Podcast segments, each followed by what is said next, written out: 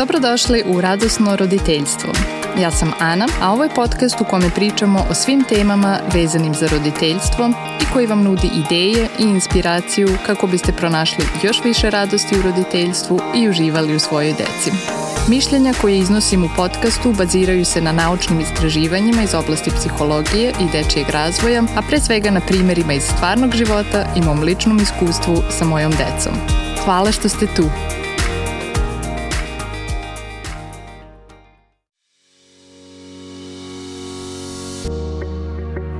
Kao roditelji sigurno ste već puno puta čuli čak i na ovom podcastu o značaju povezanosti sa detetom i o pozitivnim uticajima sigurnog obrazca vezivanja na dečiji razvoj.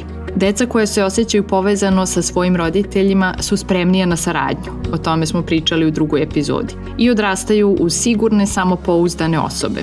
Međutim, povezanost nije samo od centralnog značaja za našu decu, ona je jako bitna i za nas – Roditeljstvo nije lako i zahteva puno truda i rada i upravo ti trenuci povezanosti, osjećaja bliskosti i uživanja u svom detetu vraćaju radost našem roditeljstvu. Kako onda možemo da izgradimo i zadržimo topao blizak odnos sa svojim detetom? Pre svega, uklonite one stvari koje štete vašem odnosu.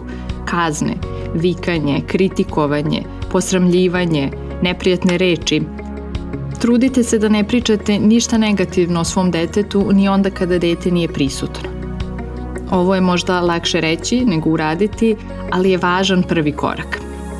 Zatim učinite povezivanje delom svoje dnevne rutine. Ponekad smo kod kuće sa decom čitav dan, ali smo pri tome odsutni. Možda provodimo vreme na telefonu ili razmišljamo šta je sledeće što moramo da uradimo ili brinemo o nečemu. To je sve potpuno prirodno i normalno, to nam se svima dešava. Nemoguće je biti potpuno prisutan sa decom sve vreme, svakog dana. Ovo čak ne bi bilo dobro ni za decu, jer tada ne bi imala mogućnosti da se samostalno igraju, da istražuju svet. Međutim, deci je potrebno da se osjećaju povezano sa nama i da dobiju našu nepodeljenu pažnju ponekad u toku dana. I zato je važno da nađemo dnevni ritam u kome imamo trenutke kada smo povezani i trenutke kada se razdvojimo i svako se posveti svojoj aktivnosti, umesto da smo ceo dan zajedno i uvek smo negde između, nikad nismo potpuno prisutni.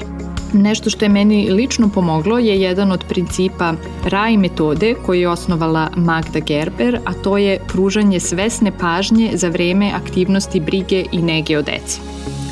Koje su to aktivnosti? Na primer, kada ujutru budite dete, kada mu pomažete da se obuče, da opere zube, kada se kupa, zajednički obroci, kada dete ide na spavanje.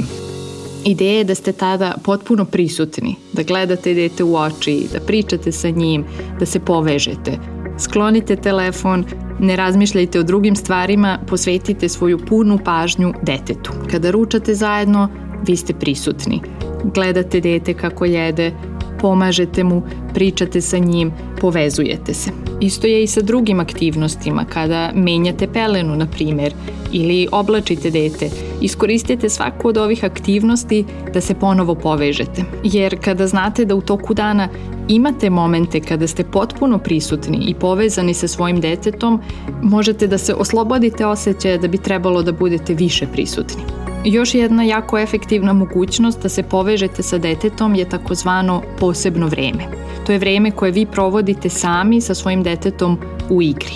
To nije vreme kada nešto zajedno pravite ili idete na neki izlet, nego se povezujete kroz igru. Posebno vreme omogućava detetu da dobije vašu punu pažnju i da se osjeća značajno, viđeno, prihvaćeno i da se ponovo poveže sa vama. Pored toga, ovo i vama pruža mogućnost da osetite empatiju i razumevanje za svoje dete, naročito ako je vaš odnos možda u nekoj negativnoj fazi i da ponovo uživate u detetu. Posebno vreme ima svoj početak i kraj i u okviru tog vremena dete odlučuje šta radi. Obično posebno vreme traje između 10 i 20 minuta, Često roditelji počnu sa 10, ako su deca mlađa, ispod 6 godina, bilo bi idealno da imate posebno vreme svakog dana, ali naravno u zavisnosti od vaše situacije možda to bude jednom nedeljno, ali zato duže, sve zavisi. Važno je da dete zna kada je posebno vreme i da može na to da računa, kao i da ne bude umetanja u toku tog vremena. Ako imate još dece, izaberite vreme kada neko drugi može da ih pričuva. Tada posvetite punu pažnju detetu, ostavite telefon u drugoj sobi i prepustite detetu da izabere čega želi da se igra i da bude glavno u igri. To će ojačati detetovo samopouzdanje, da će mu osjećaj da je sposobno. A vi budite radoznali, gledajte šta dete radi, opisujte neutralno ono što vidite, probajte da ne govorite detetu šta da radi, kako da se igra, da ne predlažete svoje ideje, osim ako dete to od vas ne zatraži. Ako je detetu teško, kada se posebno vreme završi, budite empatični. Dozvolite detetu da izrazi sva osjećanja, recite mu da ste i vi uživali i da je i vama žao što se posebno vreme završilo i da ćete sutra ili sledeće nedelje ponovo imati priliku za to. Nadam se da ćete isprobati neku od ideja koje ste danas čuli i u tom slučaju bi me jako interesovalo da čujem da li ste posle izvesnog vremena primetili neke pozitivne promene u odnosu sa svojom decom.